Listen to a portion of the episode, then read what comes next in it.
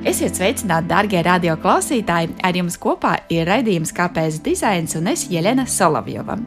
Valsts svētku mēnesi godinot, mēs šodien raidījumā pievērsīsimies tam, kā grafikas dizains un specifiski burtu māksla un tipogrāfika var sevi atspoguļot latviskumu. Ar mums kopā ir grafikas dizainere Alise Stefānija Miļuhina. Alise šogad absolvēja Latvijas Mākslas akadēmijas dizaina nodaļu un ir pasniedzējusi mājas Rozenfeldes atbalstu. Savā diplomdarbā pievērsās Latvijas tipogrāfikas vēstures izpētēji. Šīs kopredzes rezultātā ir tapusi skaista grāmata - simts latviešu burtu burti. Tā kalpo gan par parocīgu uzziņas līdzekli, kas sniedz ieskatu Latvijas burbuļu mākslas vēsturē, gan ir autors personīgo piezīmju apkopojums strādājot pie šīs izpētes. Sveika, Alise! Labdien! Grāmatas simts latviešu burti ievadā tu raksti, ka burti ir svarīgs komunikācijas rīks, ko cilvēks izmanto ikdienā. Aiz katra burta stāv stāsts, kā un kur tas ir izveidojies. Burti spēj kalpot kā kultūras koda nesēji. Burti mainās līdz ar sabiedrību un politisko situāciju, seko līdzi tehnoloģiju un kultūras novitātēm. Pastāsti Alise mums par grāmatu simts latviešu burti un to, kas tad tajā tiek atspoguļots. Tas ir eh, tāds neliels, es teiktu, ieskats, jo, lai tas būtu pilnīgāks ieskats, tad tas būtu nevis bakalaura darbs, bet drīzāk maģistra vai pat tālāk. Bet tas arī ir tāds personīgo novērojumu apkopojums, jo novērojumu bija ļoti daudz. Gribējās vienu vietu apkopot visus savus novērojumus un to izpēti smuki noformēt. Lai tas ir interesanti ne tikai dizaina studentiem, dizaineriem un māksliniekiem, bet arī citiem cilvēkiem, kas vispār nezina, kas ir tipogrāfika vai kas ir grafikas dizains. Tāpēc šajā grāmatā ir apkopoti simts burtu paraugi no dažādām desmitgadēm gadiem, sākot ar 1890. Uh, gadu un beidzot ar 1970. gadiem. Protams, es gribēju paņemt arī lielāku laika periodu, bet, nu, kā jau minēju, tas kā sākās kā bakalaura darbs, tāpēc man vajadzēja tādu laika posmu paņemt kompaktāku. Jā, un tad es apkopoju uh, burtus no ļoti dažādiem avotiem. Tās ir gan grāmatas, grāmatu vāki, gan avīzes, gan pārtikas produktu iepakojuma etiķetes, gan kādas biļetes. Īsāk sakot, lietas, kas bija latviešu ikdienā. Tipogrāfika varbūt tu vari ieskicēt, šis jēdziens sevi ietver, jo, domāju, grafikas dizains ir tāds pazīstamāks, bet tieši tipogrāfika. Tipogrāfika ļoti bieži, kad es kādam stāstu, ka mana grāmata ir par tipografiku, cilvēki domā, ka es uzrakstīju uzrakstīju grāmatu par drukas tehnoloģijām, jo viņi domā, ka es uzrakstīju kaut ko par tipogrāfijām. Mm -hmm. Nē, tā tad tipogrāfika, burbuļu māksla, burbuļu dizains, uzbūve, kā tos burtus salikt kopā, izveidot kaut kādu sistēmu, burbuļveidolu, lai tie burti izskatītos kārtīgi lasāmi, lai tie burti būtu atbilstoši kādam pasākumam vai vēl kaut kādam arī literatūras izdevumam. Varbūt tiem ir jābūt dekoratīviem, varbūt tieši otrādi. Tipogrāfika ir burtu māksla īsāk sakot, burbuļu dizains. Paldies par precizējumu.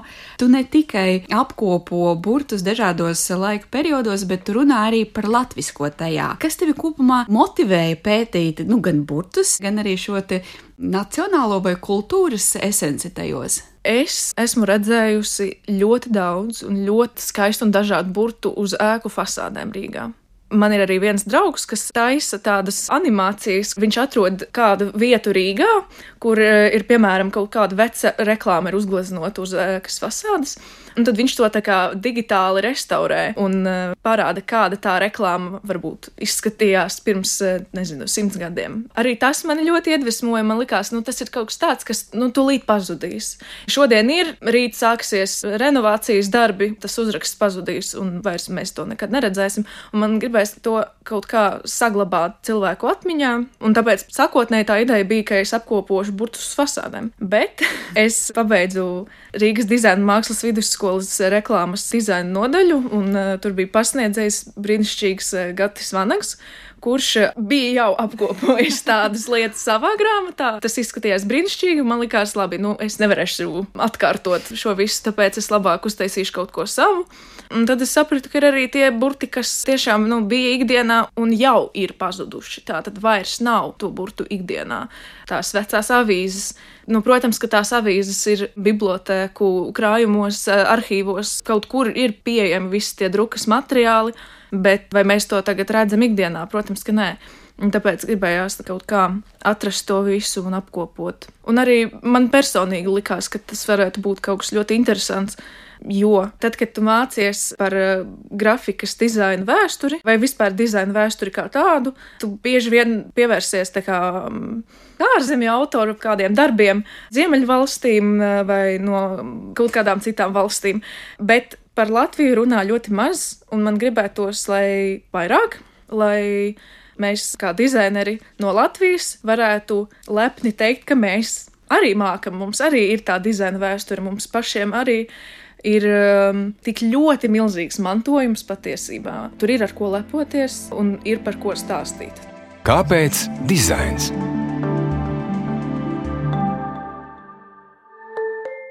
Tolis arī pieminēja, ka materiāli, kurus tu pētīji, bija tiešām dažādi. Gan preses izdevumi, gan pasmarks tu minēji un tā tālāk.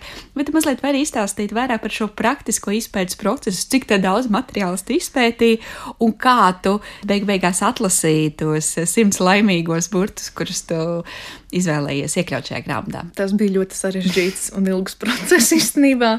Ļoti, ļoti ilgu laiku es pavadīju periodikā LV, grāmatās, eh, punkts lnb.lv, arhīvu mājaslapā Zudusi Latvija. Visi tie projekti, kas ir absolūti brīnišķīgi un visu cieņu cilvēkiem, kas to visu dara. Kā arī es meklēju fiziski bibliotekā, bet uh, mans atklājums bija kaut kādas Facebook grupas vai kaut kādi cilvēku konti sociālos tīklos, kur nu, vienkārši cilvēkiem ir tāds hobijs krāt etiķetes no 60. gadiem. Un tātad es vienkārši sēdēju tajās grupās, meklēju visādas vecās eh, fotogrāfijas ar tām etiķetēm vai grāmatām, un eh, es vienkārši saglabāju visu ko es redzēju.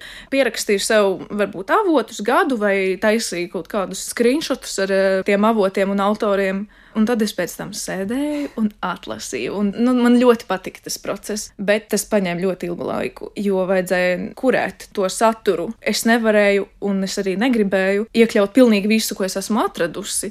Es gribēju, lai ir kaut kāda dažādība, estētika un kaut kāda nozīme tam visam. Tāpēc es vienkārši sēdēju un skatījos, tātad, ok, man ir desmit tūkstoši plakātu, 55 grāmatas, vēl tur simts avīzes un tā tālāk ok, te ir kaut kas ļoti interesants, kaut kas ļoti netipisks, tad te ir drīzāk otrādi, kaut kas ļoti tipisks latviešiem. Tātad šis ir ļoti labs paraugs, šis ir ļoti labs paraugs.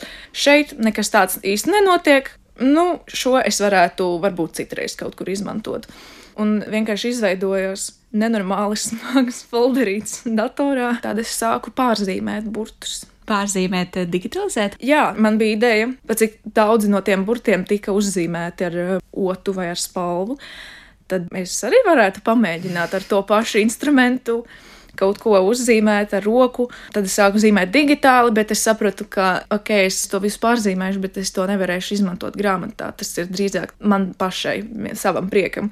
Un tad es sāku taisīt vektorus, vienkārši pārzīmēt uh, burtus no plakātiem, avīzēm, pastmarkām, lai man būtu precīza grafika, lai man būtu tas burts ģeometriski tāds pārējais un skaists pārzīmēts. Tā, interesanti. Tā, paldies, ka, paldies, ka padalies arī ar šo praktisko procesu. Tu arī minēji tādu vārdu savienojumu kā tipiski latviski.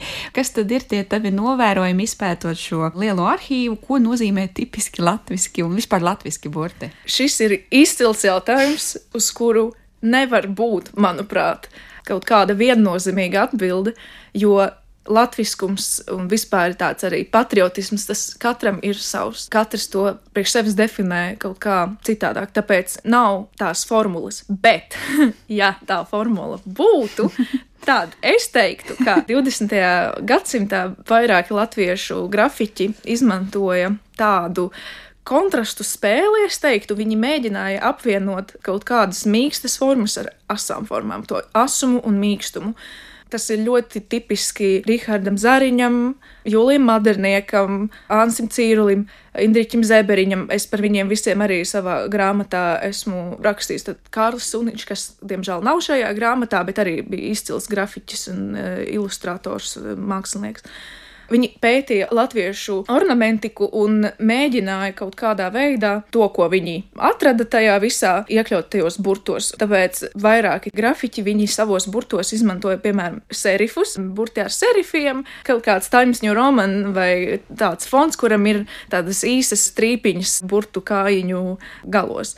Viņi mēģināja tos burtus padarīt tādus dekoratīvākus, varbūt, un izmantot visādus elementus eh, no folkloras, no heraldikas, arī, piemēram, um, tie saules stāri, kas mums ir uz ģerboņa, arī tos iekļaut kaut kādā veidā. Kaut kas tāds no pasakām nedaudz. Man liekas, ka jā, caur to var arī just to latviskumu kaut kādā veidā. Vai caur burtiem mēs redzam arī izmaiņas tajā, kā tas latviskums parādās un atspoguļojās burtveidolos? O, jā, šajā grāmatā tie burti ir apkopoti alfabēta kārtībā un chronoloģiski. Tātad pirmais burts A burts. No sākuma šeit ir uh, 1902. gads, tad nākamais ir 1921. gads. Un te ir burts no Liepājas avīzes. Vairāk cilvēki, kas izstādē vai grāmatnīcās šo grāmatu redzēja un redzēja to burtu, viņiem likās, ka tas ir U-burts. Jo gotisks A-burts dažreiz var izskatīties nedaudz kā mazais U. Bet nē, tas bija aburts. Un tad nākamā lapas puse ir par to, kas ir vecā druka. Mm. Un te ir tāds neliels apraksts, kādi vispār bija tie gotiskie burti, kādus izmantojām mēs, kādus e, burtus izmantoja varbūt citur Eiropā, Vācijā, Zviedrijā, īstenībā arī Anglijā. Vienā brīdī latvieši izdomāja, ka ir jāatsakās no vecās drukas un ir jāpariet uz antīkmas burtiem, tādiem burtiem, kādus mēs tos redzam tagad ikdienā. Tas pārējais periods bija tāds ļoti interesants tajā laikā ļoti daudz bija tādu dīvainu burtu un īpaši dīvainu tekstu, jo cilvēki rakstīja tā, kā viņi grib. Vienā un tajā pašā avīzē varēja būt vārds Latvija uzrakstīts caur eh, dubulto V un pēc tam caur parasto V. Uz vienas un tās pašas lapas puses 20. gadsimta sākumā bija atkarīgs no paša autora, kā viņš raksta diakritikas zīmes, tātad visas mūsu garumzīmes un uh, mīkstinājumi. Tas viss arī ir diezgan jauns parādījums mūsu valodā, un par to arī ir daudz ko teikt un rakstīt. Bet es ļoti gribētu pateikt, es neesmu valodniece, es neesmu valodas vēsturniece, pat teikt, tā latviešu valoda nav mana dzimtā valoda, bet tas ir ļoti interesanti šo visu pētīt un skatīties uz valodu ar uh, dizaineru acīm. Tā kā, kā tās izmaiņas valodā ietekmē to, kā izskatās burts. Ir kāds laika sprīdis, kas varētu būt uh, svarīgāks, vai mēs varam redzēt, ka kādā no posmiem ir vairāk paraugi tev apkopojušies, nu, ka kaut kurā brīdī ir noticis kaut kas nozīmīgāks. Jā, noteikti. Man ir arī krāsu sistēma. Katrai desmitgadēji šajā grāmatā ir sava krāsa. Pieņemsim, 1900. gadi tāda gaiša zila krāsa, 20. gadi tāda zaļgana, 60. tāda arī bišķiņa zaļgana, bet tāda smilšu, pēšīga krāsa, un 70. ir oranža visvairāk ir zilas krāsas, un mm. zila krāsa ir 30. gadi, un visvairāk tādu interesantu un skaistu, manuprāt, paraugu bija tieši no 30. gadiem. Ulmaņa laikos bija ļoti daudz skaistu burtu arī pirms tam, bet uh, tieši tajā posmā tā visa propaganda bija nenormāli skaista, nenormāli, manuprāt. Arī Ansis Cīrulis bija pielicis savu roku tam visam. Viņš bija tāds ļoti proaktīvs un produktīvs tajā laika posmā, un ir ļoti daudz plakātu tieši ar viņa veidotiem burtiem. Tie 20. un 30. brīvas eh, Latvijas laikos tie burti bija vienkārši fenomenāli skaisti. Un kur varbūt tev pašai ir vismīļākie paraugi? Man ir viens favorīts, tas ir e-burts. Jā, izstāsti, kāds izskatās tiešām dīvaini. Izskatās ļoti dīvaini, bet es pat nezinu, ar ko sākt. tas ir e-burts, bet visas, teiksim tā, rociņas rociņas un kājiņas, tās visas svītriņas ir kā trīsturīši. Iekšā tur arī ir tāds neliels ornaments no mazākiem trīsturīšiem un tādām tā kā bultām. Šis e-burts ir bijis uz zobu krēma iepakojuma, ko bija izveidojis Antons Rīmēks. Teikšu godīgi, es līdz galam neesmu pārliecināta, vai viņš pats izdomāja šos burtus, bet es esmu lasījusi, ka viņš izgudroja šo zobu krēmu, metra ka viņš kopā ar savu sievu veidoja šo visu zīmolu, un ka tas zīmols bija ārkārtīgi slavens un veiksmīgs. Jā, tas bija tāds liels bizness ar lielu potenciālu, bet, uh, diemžēl, padomju okupācijas laikā Antonu izsūtīja uz Sibīriju, kur viņu nošāva. Bet internetā ir iespējams atrast ļoti skaistas bildes ar standiem veikalos no 30. gadiem ar to zobu pastu mētra un reklāmas dažādas ļoti skaistas arī. Jā, it kā zobu pastas iepakojums, bet tik skaista burti.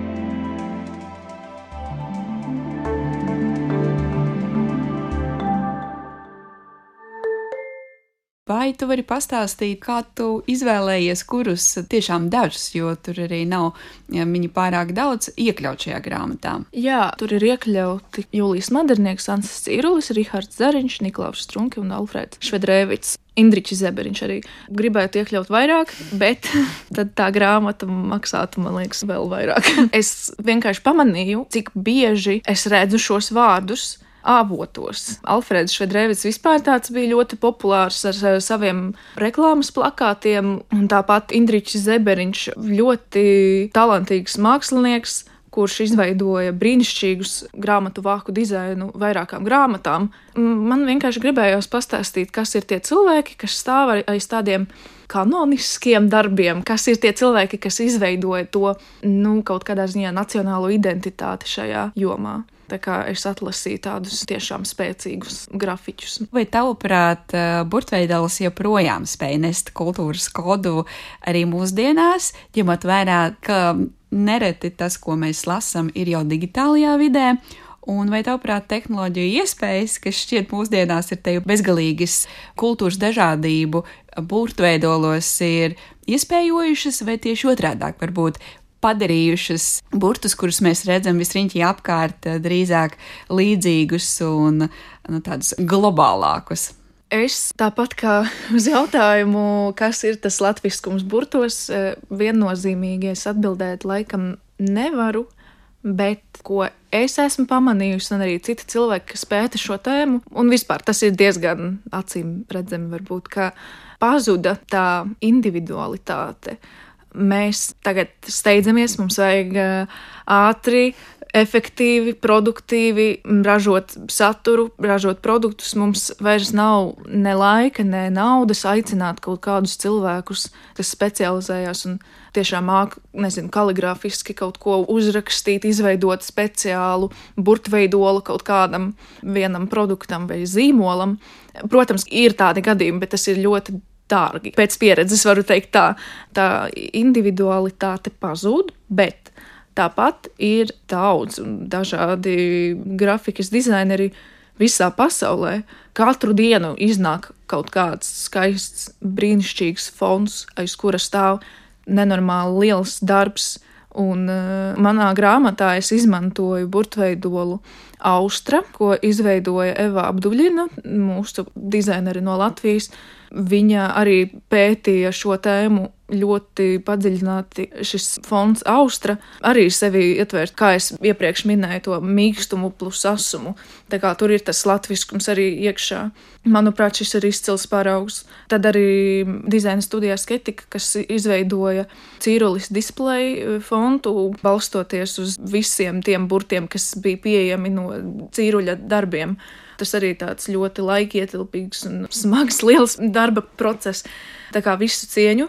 Man liekas, ka ir iespējas, nu, protams, ka ir daudz vienkāršāk paņemt jau gatavu fontu un tālāk veidot, nezinu, zīmola grafisko kaut kādu identitāti un tā tālāk. Bet, nu, vienkārši ir jāredz un ir jādomā vienmēr par to, vai tas burtveidols tiešām pildījis to savu funkciju, vai tas burtveidols ir labs, vai tam burtveidolam ir garumzīmes, kas ir arī ļoti aktuāli Latvijai. Tas, kas tagad eh, Rīgā notiek, vispār brīnišķīgi, ļoti skaisti. Mēs attīstāmies, mēs maināmies, tas ir normāli. Paldies, Alisa. Redījums, kāpēc dizains ir izskanējis. Paldies arī, darbie radioklausītāji, ka bijāt kopā ar mums. Studijā bija Jelena Solovjova un pie mums šodien viesojās grafikas dizainere Alisa Stefānija Miļuhina. Raidījums ir tapis ar Valsts kultūra kapitāla fonda atbalstu. Uz tikšanos! Kāpēc dizains?